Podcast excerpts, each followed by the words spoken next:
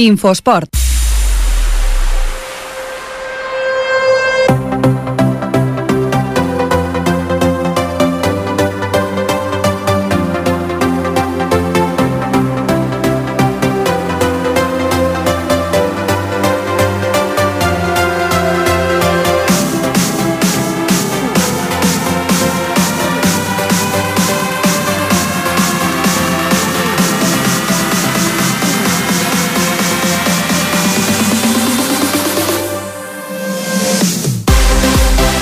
Molt bona tarda, benvinguts a l'Infoesport, el programa de l'actualitat esportiva a Ripollet Ràdio. Encetem un nou programa a les 7 i 8 de la tarda.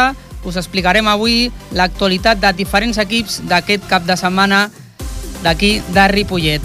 Comencem, com sempre, amb els marcadors. El control de so està el Jordi Puy, us parla l'Òscar Torrico. Comencem. El marcador.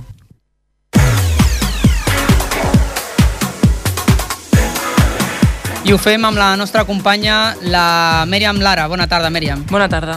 Començarem amb el tenis taula masculí a la primera nacional masculina. El Club Tenis Taula Ripollet necessita el desempat per emportar-se la sisena victòria de la temporada. Hospitalet 3, Club Tenis Taula Ripollet 4.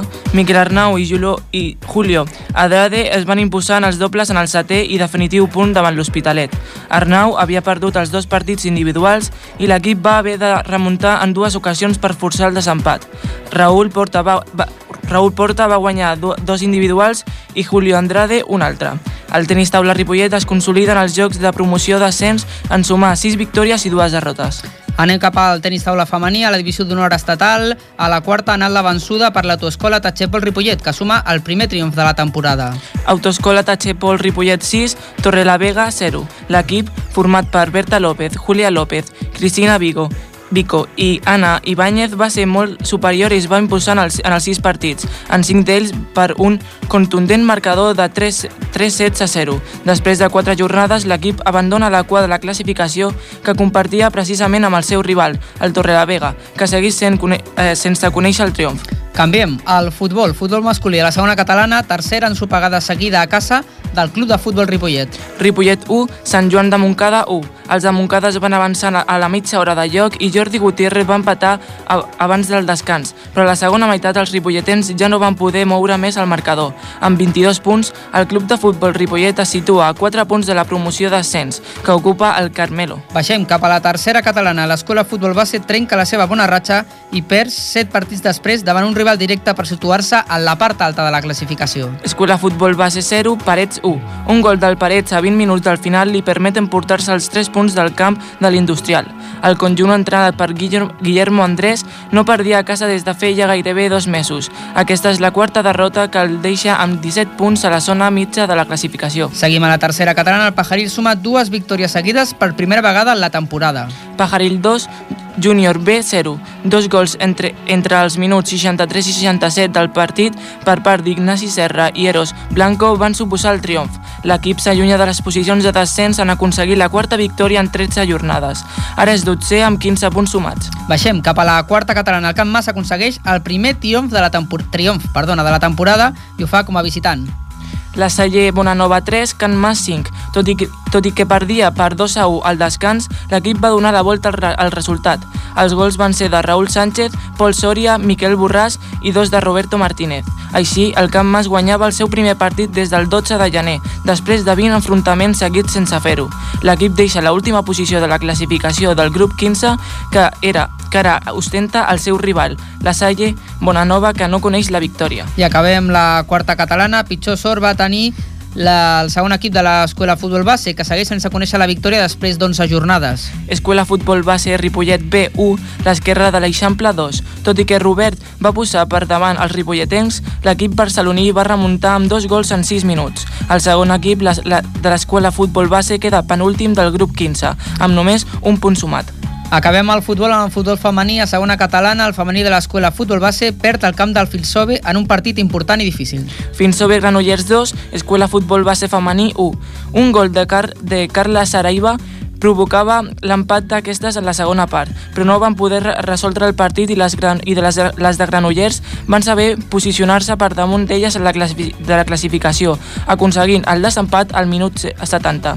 Les ripolletenques queden quartes a la classificació amb 18 punts. Anem cap al futbol sala, en concret al masculí a la tercera divisió nacional, el futbol sala Ripollet no té fre i suma la vuitena victòria en nou partits. Futbol sala Ripollet 7, Arenys de Munt 1. Quatre gols ripolletens en els últims 3 minuts de partit van certificar un triomf que no va ser fàcil. S'arribava al descans amb un solitari gol de Jesús Díaz, però al segon temps van marcar Juan Martín en dues ocasions, Manel Campos, de nou Jesús Díaz i Òscar Prieto també en dues ocasions. L'equip és líder en solitari per primera vegada a la temporada, amb 25 punts sumats de 27, de, de 27 possibles. Baixem una categoria, a la divisió d'honor catalana, el segon equip del futbol sala Ripollet es retroba amb el triomf davant un rival directe a la lluita pels primers llocs. Ripollet B7, Balsareny 5. David de Gomar i Cristian Gallardo van, van fer dos gols cadascun i també va marcar Fran Erruzo, Rubén Pérez eh, Rubén Pérez i Abel Fernández. L'equip es posa quart a la classificació avançant pre precisament al seu rival,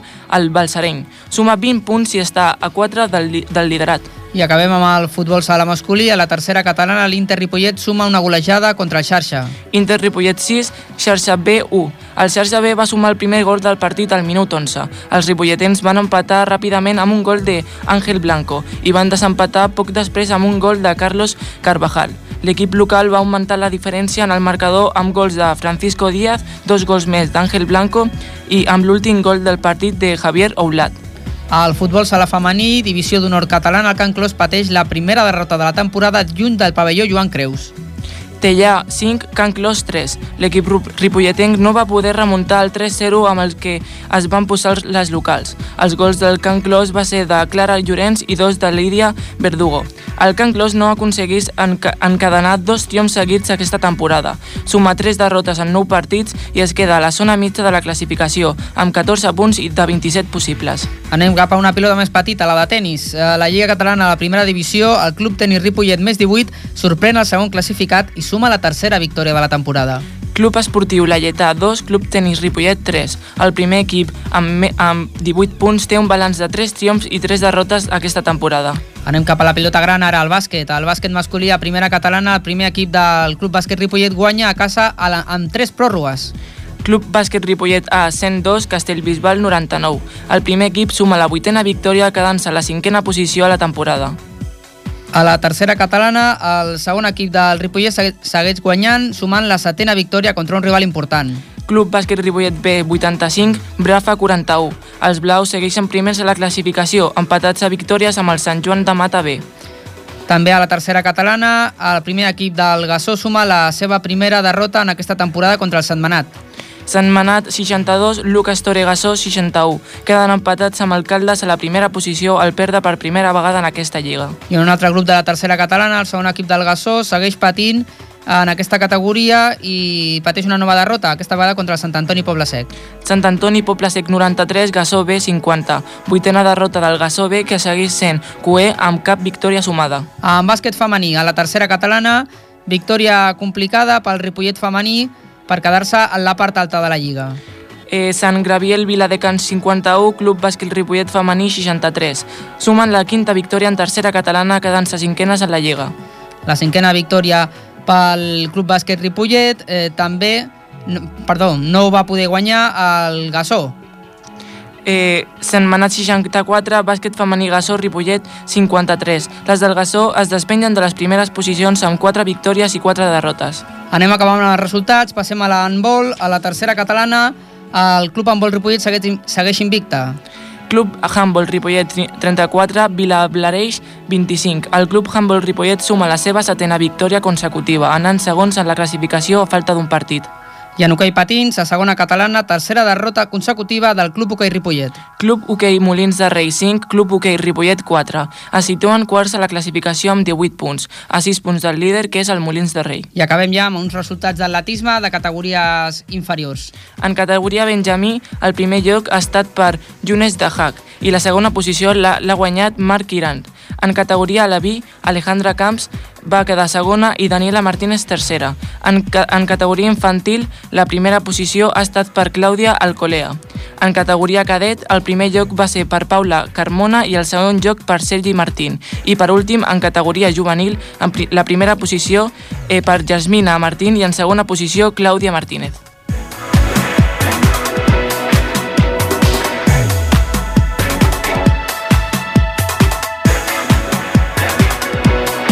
El protagonista de la setmana.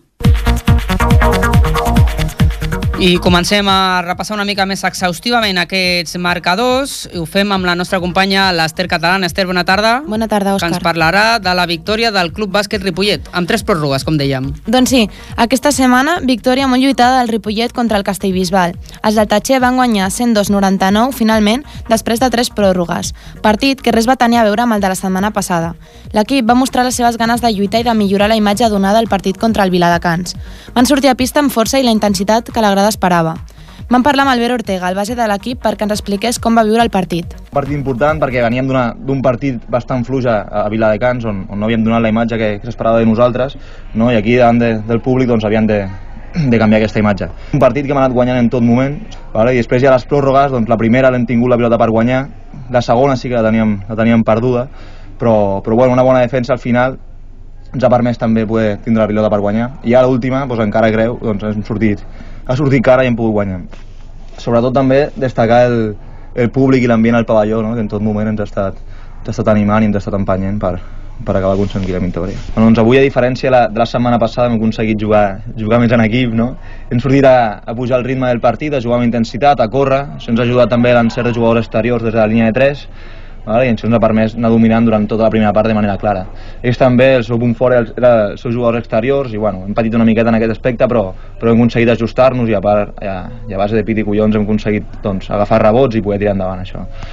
Mica en mica hem de seguir treballant, la setmana que descansem, no? i a partir d'aquí, últim partit el, últim partit que ens queda d'any al desembre, i a partir d'aquí, doncs, doncs cap amunt i a veure fins on arribem. Doncs el primer quart va destacar per un notable encert en tirs a 3 per part dels blaus. Manel Álvarez va inaugurar el marcador amb tres triples seguits. El Castellbisbal va implantar una zona que no va ajudar per als locals. D'altra banda, però, els visitants comptaven amb exteriors molt ràpids que forçaven les penetracions. De totes maneres, el primer quart va estar dominat pels blaus amb una diferència de 8 punts, 29-21.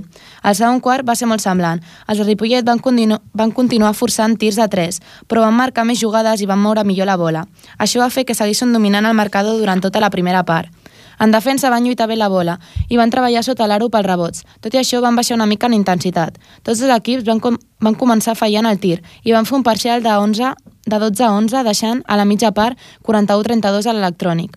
Al començament, al tercer quart, el Castellbisbal va tornar a sortir en zona i van dificultar l'atac dels locals. Els blaus van recuperar la intensitat del principi i van seguir un quart molt igualat amb unes pilotes molt lluitades. Tot i que els del Tatxer van continuar per davant el marcador, 58-51, els visitants no els hi van posar fàcil i van fer que perdessin el parcial per dos punts. Als darrers 10 minuts, però, la cosa es va complicar pels blaus. Tot i que continuaven movent molt la bola i marcant jugades, a més de forçar els dos més uns, l'encert del rival, sobretot en els tirs lliures, va fer que els últims 11 segons igualessin el marcador i marxessin amb la primera pròrroga. Aquesta va acabar amb 82-82 al marcador i va donar pas a la segona. Aquesta vegada els visitants van marxar de 5 a falta de 41 segons del final. Tot i això, els de Ripollet no van baixar els braços i van aconseguir forçar una altra pròrroga més. D'aquesta última cal destacar el rebot decisiu de Sergio Piñero i el triple d'Albert Ortega que va fer que arribessin als 100 punts. A més, els un contra uns fallats del Castellbisbal van ajudar els locals a aconseguir els rebots i finalment guanyar el partit 102-99. Tots els equips van oferir l'espectacle esperat i felicitats al Tatxer per una nova victòria merescuda i lluitada. Segueixen cinquens a la classificació, empatats amb els quarts, tercers i segons. Doncs moltes gràcies, Esther, al protagonista, l'Albert, que feia aquest triple decisiu al final del partit, i d'un protagonista de la setmana passem a un equip de la setmana. L'equip de la setmana.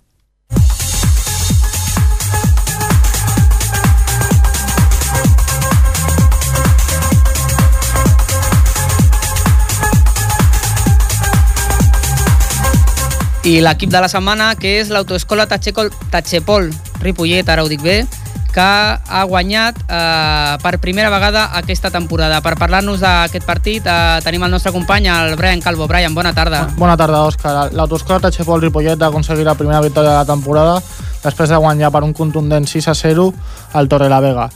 L'equip de la divisió d'honor femení del grup 1 es situa en setena posició amb 3 derrotes i aquesta primera victòria, dos punts. El partit no va tenir massa història ja que els 6 punts van ser del bàndol local. El primer partit el va guanyar la Berta López per un 3-1 i el segon la va jugar la Cristina Vícol, la tercera el Julia López, la quart la Cristina Vícol, la cinquena la Berta López i la sisena l'Anna Ibáñez, que ha sigut la nostra entrevistada. Excepte el primer partit, que només va comptar amb un punt del rival, la resta va, es va resoldre per un clar 3 a 0. La propera jornada, l'equip local jugarà contra l'Escul Zaragoza i el Proiem Gastell. I eh, ara passarem l'entrevista de l'Anna Ibáñez. El quart partit de la temporada arriba la primera victòria. Comenta'ns una mica com va anar el partit. Doncs bé, aquest partit era molt important perquè jugàvem contra un equip bastant directe que també ens està en les posicions més baixes i la veritat és que ens va sortir una bona alineació i bé, tots els partits els van poder resoldre. El resultat 6 a 0 reflexa clarament la diferència entre els dos equips. Pot ser aquest l'inici d'una remuntada de la classificació? Bé, això esperem. La veritat és que els primers, classific... o sigui, els primers partits amb els que ens vam enfrontar eh, actualment són els equips que estan posicionats a les primeres zones de la grella. Per tant, bé, ara esperem que els partits que vinguin doncs, comencem a guanyar. La propera jornada jugueu dos partits seguits en dos dies davant l'Escul Zaragoza i el Proyem Gasteiz, fora de casa. Això requereix alguna preparació especial per competir durant dos dies seguits? Bé, tots els partits són importants i en tots ens hem de preparar, però bé, aquest és un esforç extra perquè s'ha de viatjar, són dos partits en dos dies, i bueno, bé, doncs, però això que diguis, bé, hem de fer una cosa especial, doncs no, no, simplement és concentrar-te perquè tots els partits són importants, ja siguin fora o a casa. El Zaragoza va tercer a la classificació, el Gasteiz vuitè, just una posició darrere de vosaltres, que sou Atenes. Quina predicció fas dels dos partits? Bé, els dos partits eh, crec que es poden guanyar. Eh, Escul té una jugadora que, bueno, molt important com és Marta La Vega i bé, aquests dos punts possiblement són els més difícils, per tant doncs s'han d'intentar guanyar tots els altres partits i contra el Gasteiz bé, és un equip que no ens podem refiar perquè sempre hi poden haver sorpreses però bé, en principi sempre que hem jugat doncs les hem guanyat. Ja per últim, a nivell personal, vas guanyar l'últim punt de, del partit davant el Torre la Vega. Com et trobes a l'equip ja en general en aquesta temporada? Bé, la veritat és que bueno, som les mateixes jugadores de, des de fa uns anys, per tant ja ens coneixem molt bé entre nosaltres, sabem quins són els nostres punts forts, quins punts són els que s'han de treballar més, però crec que fem bastanta pinya i que ens, bueno, som, ens compenetrem molt bé. Ah, doncs molta sort pels dos primers partits i ja en general per la temporada i esperem que pugueu complir el vostre objectiu. Moltes gràcies. Doncs només recordar que la propera jornada no es juga aquest cap de setmana, sinó d'aquí a 15 dies a Saragossa. Amb aquestes visites a Saragossa i a, i a Vitoria.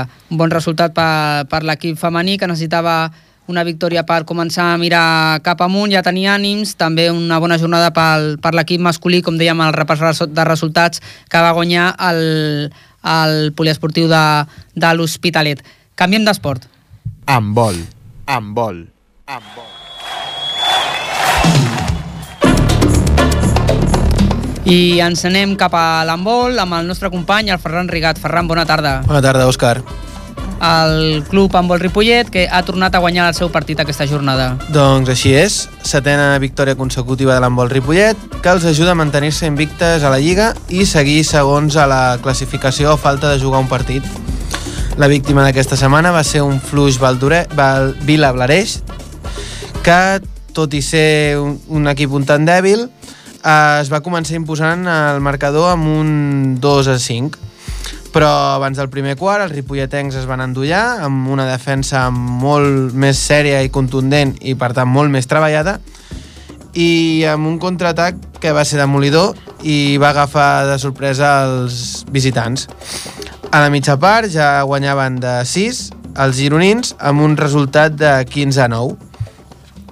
La segona part va seguir la mateixa tònica, el mateix guió, i l'equip només es va preocupar d'augmentar la renda, que va arribar fins a 9 gols en, al final del, del partit, amb un resultat final de 34 a 25. Em sembla que tenim un dels protagonistes a l'altre costat del telèfon, oi? Així és, tenim en Dani Jiménez. Buenas, Dani. Hola, bona tarda. Hola, bona tarda. Bona tarda. Uh, el Dani, que, que uh, és el primer any que participa com a, com a sènior, i res, que comencem les preguntes preguntant-te que ens eh, anem, eh, anem mirant, anem veient que tots els partits al principi us costa una mica. Creus que es nota una mica de relaxació al vestidor després d'aquesta bona ratxa? A veure, sí que és veritat que al principi, doncs, les coses no eren de la mateixa manera. De fet, mmm, anàvem més animats al principi del partit.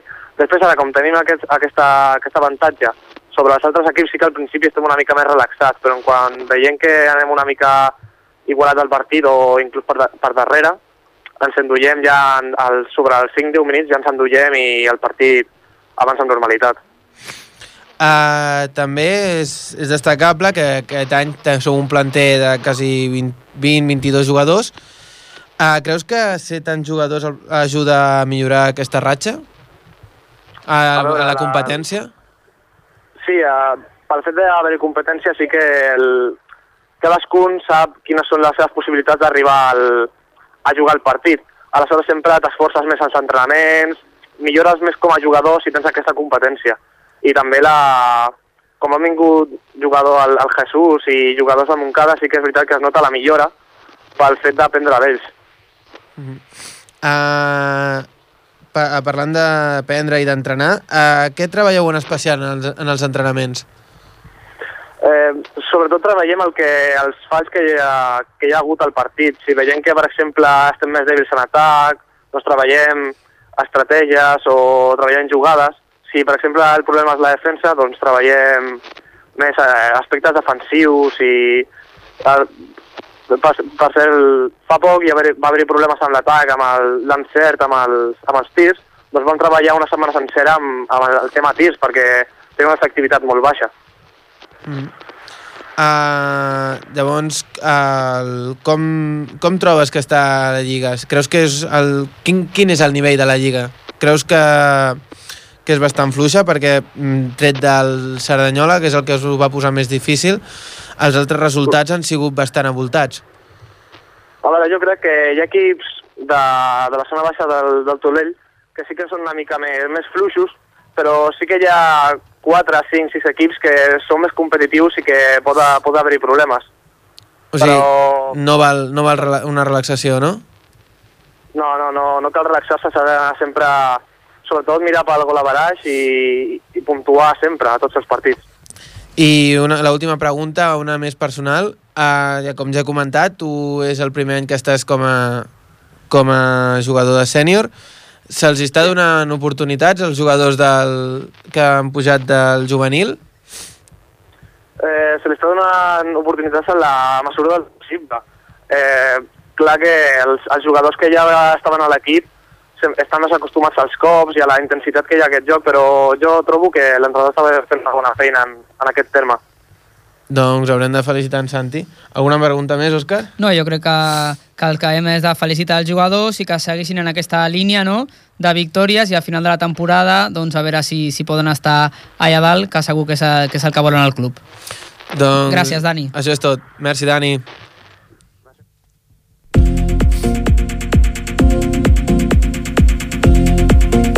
I continuem, canviem d'esport. Gràcies, Ferran, bona tarda. Bona tarda, Òscar.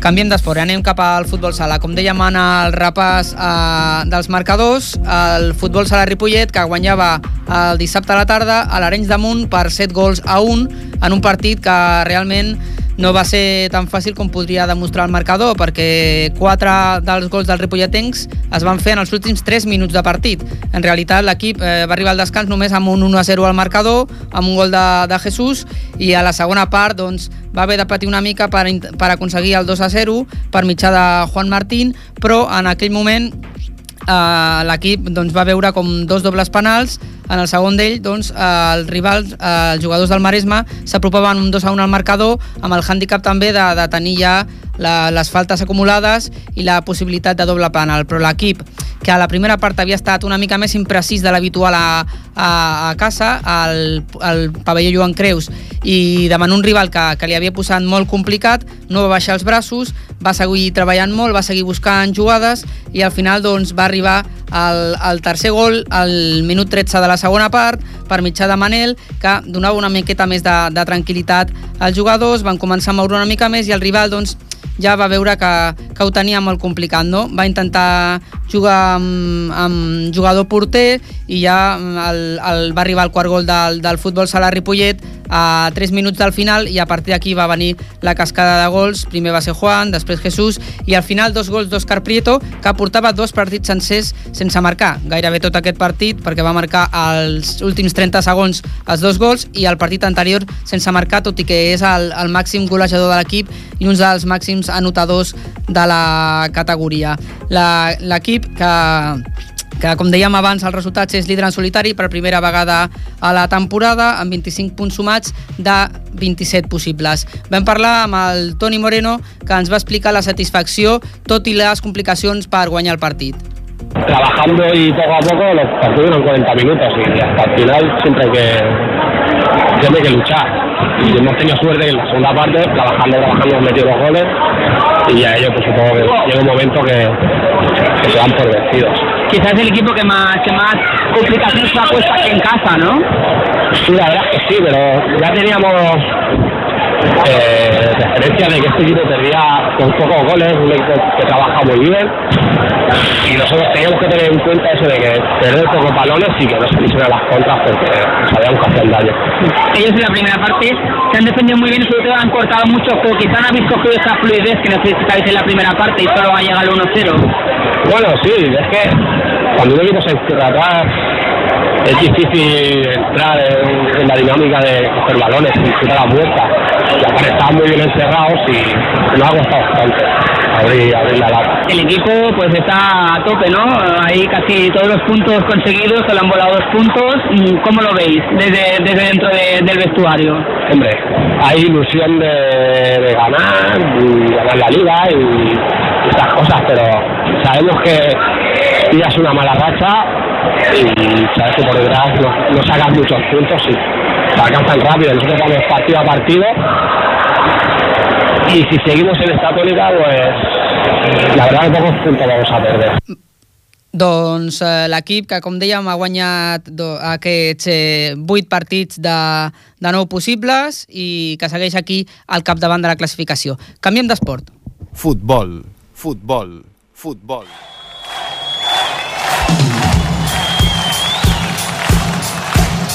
I com escoltàveu, ens anem cap al futbol amb el nostre company, ja l'habitual del futbol, el Jordi Soteres. Jordi, bona tarda. Hola, què tal? Bona tarda, Òscar. Que ens explicarà doncs, eh, una nova ensopegada a casa del Club de Futbol Ripollet aquesta setmana, el sí, diumenge. aquesta setmana contra el Sant Joan de Montcada amb un empat 1 a 1. Mm, Bueno, són dos partits, un punt de sis possibles. El partit de, va ser de domini total del Ripollet, el vam anar a veure, davant d'un adversari que estava en una situació de continu replegament intensiu al seu propi camp, sense sortir pràcticament a l'atac i esperant la pèrdua de pilota de l'equip local. Era un equip que pràcticament no, no, no generava joc i esperava sempre el joc del rival. El domini del Ripollet no trobava possibilitats per la generació d'ocasions i, en canvi, en una contra a la mitja hora de la primera part, el Sant Joan de Montcada va marcar en la primera ocasió que va tenir amb una situació de contra un ben resolt pel jugador visitant, amb el porter. Gran partit del Guti, el jugador més destacat del partit amb un gran percentatge de cert en les passades. Aquest noi mm, cada vegada juga millor. Autor del gol de l'empat, a més a més, a falta de 5 minuts pel final. És un futbolista en ascens imparable. Es va notar molt l'essència del davanter Quim Cadafal, que és un gran jugador, sens dubte el millor atacant que té l'equip ara mateix. Eh, I en aquests moments, mm, tristament, està lesionat. A pesar del domini, el joc del Ripollet va ser molt reiteratiu i previsible amb atacs estàtics que afavorien el joc defensiu del rival. No es xuta suficient a porta, sobretot des de fora de l'àrea, vol dir que és un domini que a vegades resulta infructuós. De totes maneres, per mi el partit deixa una informació important que pot millorar en un futur pròxim el rendiment de l'equip quan els lesionats s'incorporin. Informació que de ben segur ha interpretat ja el cos tècnic. I la podrà aplicar, evidentment, en el moment que tingui tots aquests jugadors a punt. Ells són, amb el David Ortiz al capdavant, els més interessats en lograr-ho. Mm -hmm. De fet, això és tot amb la crònica del partit, perquè vull dir, és un partit sense història, un partit avorrit, un partit amb un domini continu, un domini de mig camp, i amb un equip que no té ganes de jugar, que només espera que perdis la pilota, mm. i, i bueno, realment avorrit perquè el Ripollet en cap moment, igual que el, el diumenge anterior contra el Camelo, va trobar ocasions per, per, per fer gol. Mm -hmm. Sí, un problema que s'està trobant el Ripollet a les últimes jornades, no, els últims tres partits a casa, no ha aconseguit guanyar cap dels tres i, i s'està complicant una mica la situació perquè no acaben de sortir els resultats a casa quan a fora la cosa sembla que està funcionant una mica millor a nivell de resultats. Crec, crec que tenim, Jordi, un jugador de, del bé. Club de Futbol Ripollet a l'altre costat del telèfon, oi? Sí, tenim, de fet, ten, ten, tenim el Dani Martínez, eh, de la- davanter, un jugador que ve del Montcada, fa, em sembla, Un mes parell, que tres està aquí, no? Sí, em sembla que sí. Dani Martínez, Hola, bona tarda. Hola. Sí, hola Dani, ¿qué tal? Bueno, vamos a ver, mm, cuéntame, ¿qué me puedes contar del partido de ayer? ¿Qué, sensa- qué sensaciones eh, crees que hay en el partido de ayer? Eh, a ver, yo el partido, tanto la primera parte como la segunda, vi un equipo que estaba bien puesto. Eh, vi un equipo seguro y con muchas ganas de, de sacar el partido adelante. Eh, sí que es verdad que, bueno, ya lo has comentado que de cara a portería nos falta falta esa posibilidad de, aunque tengamos una o dos, tenemos que, que enchufarla sea como sea. porque ¿no? ¿Eh? Meterlas, ¿no? Sí, meterla, sí, sí. Porque si no, luego mm, pasa lo que pasa. Eh, creo que fue en el minuto 30 o algo así, que nos metieron un gol, un despiste tonto. Sí, sí, en una jugada. Aprovechar bien. Tú jugaste en la primera parte en la derecha, luego cambiasteis con, con Nava. Con Nava, cambia- cambiasteis. Mm, Tú, ¿qué sentiste tú personalmente en el partido? ¿Qué sensaciones tú personalmente, no el equipo tú? ¿Qué sensaciones notas tú en, el partido de ayer y en el anterior? Porque son partidos bastante similares, aunque los rivales no tenían nada que ver. No, yo sentí el partido muy bien. Sinceramente, lo vi bien. Sí que tenemos que jugar un poquito con, con más de calma en, en, en algunas acciones. Mm, rodar más el balón a veces y, y- y jugar con, con más seguridad. ¿Tuviste en algún momento la posibilidad de ganarlo, sinceramente? sí, sí. ¿Viste? O sea, a pesar de la falta de, de- de ocasiones, tú ves que hubo posibilidades de ganarlo. O sea, de, Sí, porque pasamos por encima de ellos totalmente. Pero bueno, es lo que he dicho antes. mm, tuvimos creo que pocas ocasiones, un, un par o tres me parece. Que si las hubiéramos metido, pues partido hubiera cambiado. Sí, no, evi- evidentemente que sí. Evidentemente. De hecho, yo no, no lo he di- dicho en la crónica, pero para mí tuvisteis un árbitro que ojalá lo tuvieseis todos los partidos. Para mí fue un buen árbitro ayer. Es decir, no se le puede achacar para mí en ningún momento No. eh, el, el partido. El partido fue vuestro y lo que se consiguió fue. ¿Qué crees que le falta al equipo para ganar partidos con cierta solvencia? Con, pues confianza, confianza unos a los otros y llegar a portería, eso, acabarlas, eh, chutar de fuera del área, que, ta- que también nos cuesta, y las acciones que tengamos, meterlas. Mm, yo sé que llevas pocos días en el equipo, pero bueno, yo me, me imagino que también conoces a, a varios jugadores de, que pertenecen a él. ¿Qué crees que os falta? ¿Os falta algún jugador de- con unas características determinadas a tu juicio? ¿Y cuáles serían estas características? Este jugador que para mí le falta. Yo lo tengo claro. ¿eh? Ahora, el que tienes que responder eres tú. Bueno, a ver, eh, para, para que el equipo esté bien y eso hace falta todos los jugadores. Yo, a ver, no, no sabría decirte ahora quién, quién falta, porque juegue uno, juegue otro. Un delantero quizá. Un señor que cuando llega por allí haga goles. Difícil de, de encontrar, ¿verdad? Sí, pero Sí, Dani, pero bueno. es necesario que todo el equipo funcione para que el que está ahí arriba pueda hacer los goles, ¿verdad? Sí, sí, claro que sí. El, juego este de, de toque-toque, yo para mí hay, un concepto que es importante y uno es, es, es, este concepto de jugar para tocar y tocar para jugar. Cambian las palabras, pero no es lo mismo. Yo no sé si, tú interpretas esto. Yo creo que es complicado. Jugar para tocar es una cosa y tocar para jugar es otra, ¿no? porque lo importante es el juego. Mm, este juego de toque, ¿tú crees que, en esta categoría y con los jugadores que hay es posible hacerlo de una manera reiterada? Sí, porque tenemos jugadores con, con mucha calidad que la, que la saben tocar muy bien, en, tanto defensivamente como ofensivamente. Sí. En el medio campo están buenos jugadores que sí que la saben tocar de, de un lado para otro. Sí, yo, yo, yo creo que esto sí que, sí que funciona esta categoría. Sí, sí, sí. No, no, sí. En, en realidad, quienes jugáis sois vosotros sí. y tú, como miembro del, del, del, del, equipo, eres el que tienes que opinar. Evidentemente, yo no voy a opinar uh -huh. en esto. Pues, pues, muchas gracias, Dani, y mucha suerte. Llevas un mes aquí. Imagino que todavía estás un poco en periodo de, un poco de, de adaptación, ¿no? Que estás jugando sí. bastantes minutos, ¿no? David ya te conocía y te está dando minutos. Eh, uh -huh. Y bueno, te deseamos suerte y que el equipo también pues, pueda seguir mirando para arriba. Gràcies. Gràcies, Dani. Gràcies a ti, gràcies, Dani. Adéu. Adéu. Infosport. Doncs moltes gràcies, Jordi, bona tarda. Fins al dilluns que ve. Continuem amb el futbol i ho fem amb una categoria per sota, la tercera catalana, l'escola Futbol Base, que perdia aquesta setmana després d'una molt bona ratxa de set partits sense caure derrotat, doncs perdia a casa contra el Paret per 0 gols a 1. El nostre company, el Marc Mata, va estar veient el partit i ens explica com va anar. Bona tarda, Òscar. L'escola Futbol Base Ripollet es va enfrontar a casa davant el Parets Club Futbol en la seva primera derrota després de 5 partits sense perdre, per l'equip d'en Guillermo Andrés, amb un marcador 0 a 1. El partit va estar bastant igualat pels dos equips, a pesar de que l'equip local no hi va aconseguir guanyar i en el que va estar lluitant fins al final. La primera part van haver diverses ocasions de gol pels dos equips, però cap dels dos va marcar gol. En el minut 21, l'àrbitre va xiular falta perillosa que va reforçar el porter del Parets, i va treure targeta groga per l'equip local. La primera part va estar molt treballada pels dos equips, amb moltes faltes de l'equip d'en Guillermo Andrés, i va acabar amb un marcador 0 a 0. La segona part va tornar a estar bastant igualada, amb, un, amb dos equips que lluitaven moltíssim, amb, amb un Parets que va avançar les línies arribant així amb més perill a la porteria del futbol base Ripollet. De totes maneres, el partit va continuar sent molt dur, amb una gran quantitat de faltes, cops i patades per les dues bandes i amb un arbitratge molt protestat des de la grada per les dues aficions. En el minut 71 va arribar el primer i únic gol de l'equip visitant, en una jugada dintre de l'àrea. Aquest gol va fer que el marcador definitiu fos 0 a 1. Al final del partit vam poder parlar amb Raúl Badillo, jugador de l'Escola Futbol Base Ripollet. Vais los séptimos en la clasificación, supongo que esto os hará estar contentos. Sí, bueno, contento sí, pero esperaba mucho de hoy, el partido era muy importante, pero bueno, no ha podido ser y, y a pensar en el próximo partido ya, ya está, a seguir trabajando. Lleváis dos partidos seguidos ganados, pero este lo habéis perdido Tres. a tres, tres ganados. Eh, la semana pasada le marcasteis cuatro goles al Palau Turdera y en su casa. ¿Otra inyección de ánimo?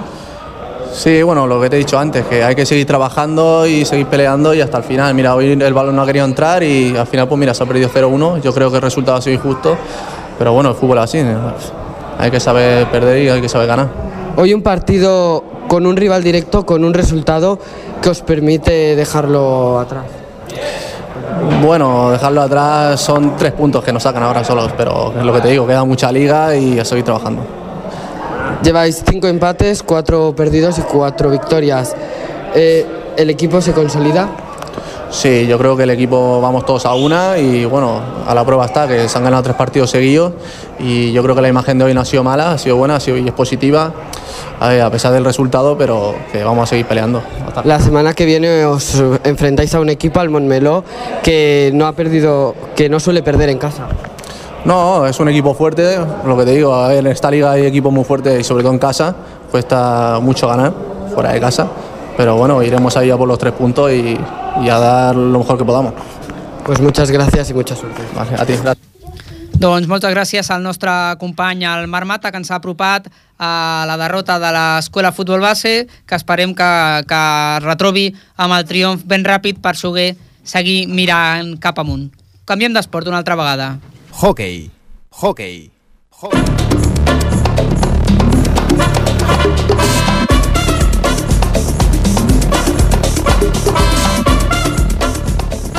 Do, doncs, com dèiem, eh, anem cap a l'hoquei patins, al Club Hoquei Ripollet, que està ficat en una mala ratxa, s'enfrontava al final de la, a la recta final de la primera volta amb els rivals de la part alta de la classificació, que estaven com ell, i doncs eh, no ha sortit ben parat perquè ha sumat tres derrotes consecutives. La última, ahir mateix al migdia, al camp del Molins de Rei, que és el, el líder de la categoria, va perdre per 5 gols a 4 l'hoquei Ripollet i ja havia perdut dues setmanes abans amb el, amb el Valls i també havia perdut contra l'altre equip el, el Monjos, que estava a la part alta de la classificació.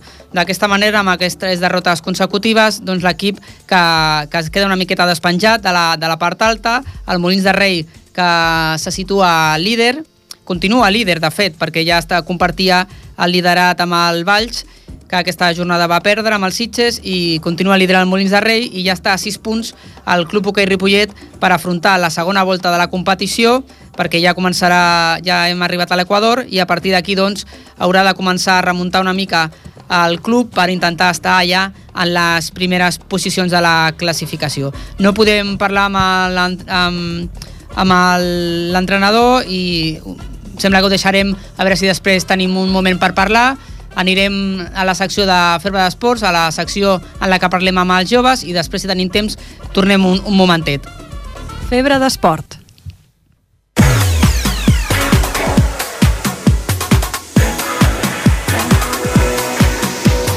Com sempre, tanquem el nostre programa amb aquesta secció Febre d'Esports. El nostre company Brian Calvo. Hola, Brian, bona tarda. Bona tarda, Òscar. Ens ha portat avui doncs, un parell de joves esportistes. De quin esport? Tenim del tenis taula, tenim per una part la Mireia Parató i per l'altra la Marina Paloma. Les dues noies són subcampiones per equips del primer torneig femení de Reus, d'aquesta categoria, de, de la Vi. Les dues tenen 12 anys. La Mireia s'ha classificat per jugar el 28 de febrer i 1 i 2 de març, que encara no se sap si el torneig serà a Valladolid o a, o a Màlaga.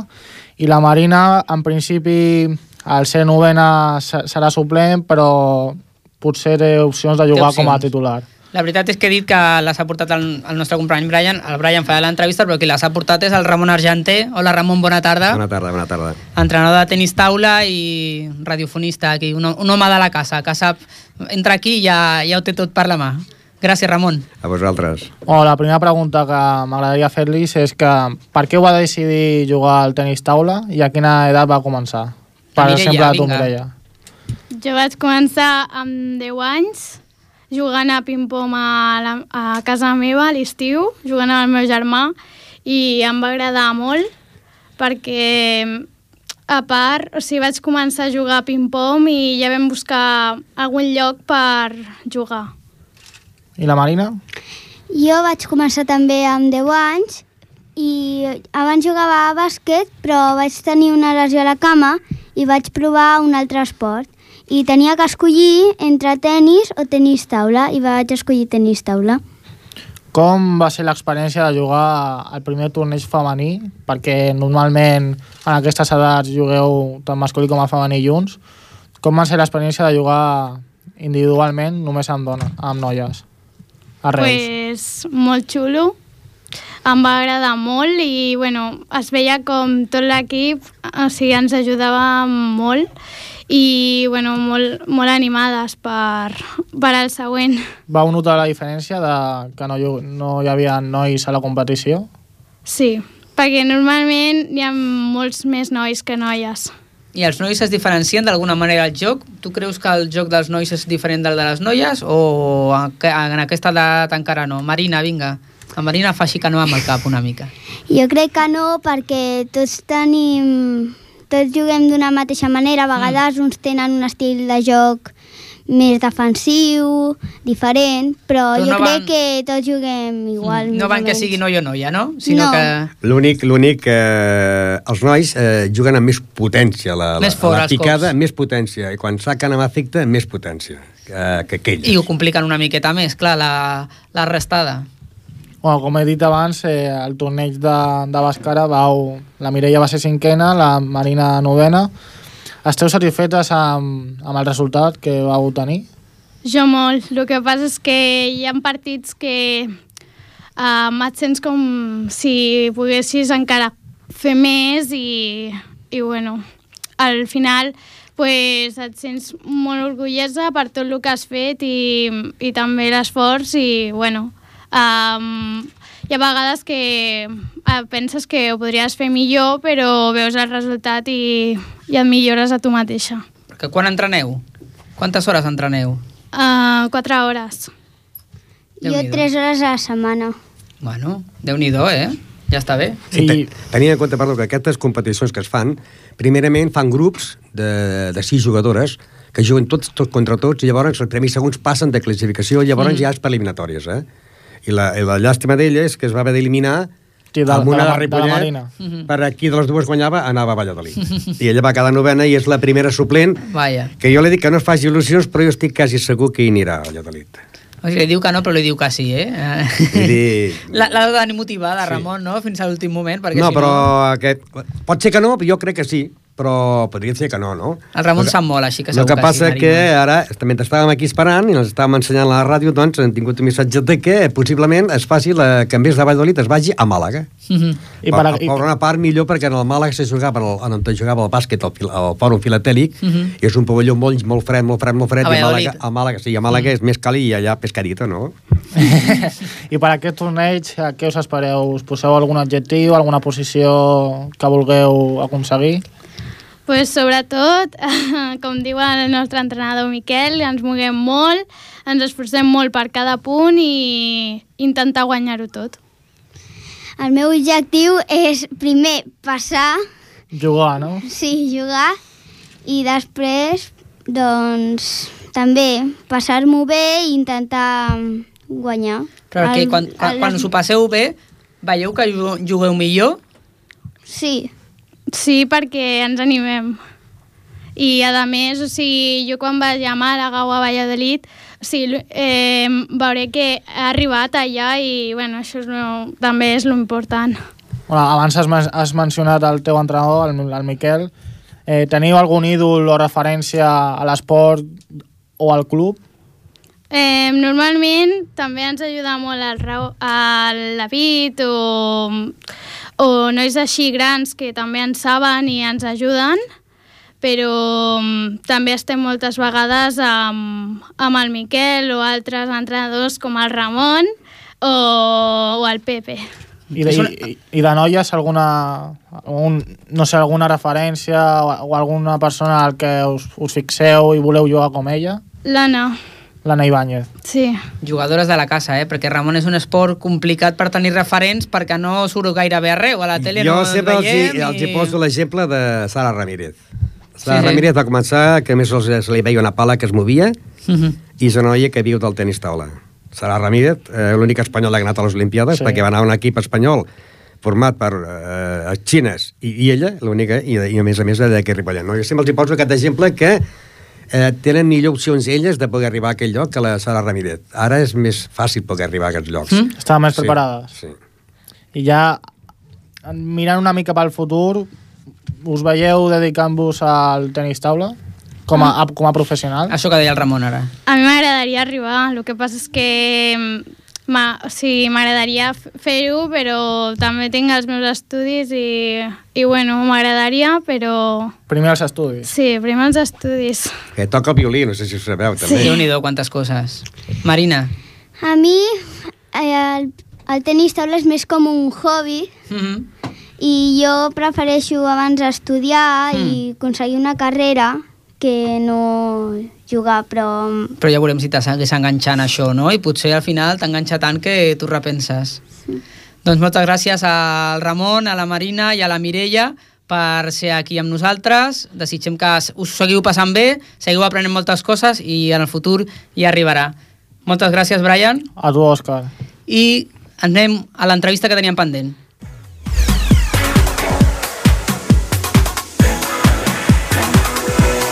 Teníem aquesta entrevista pendent amb el míster del Club Hockey Ripollet, el Jorge García. Jorge, buenas tardes.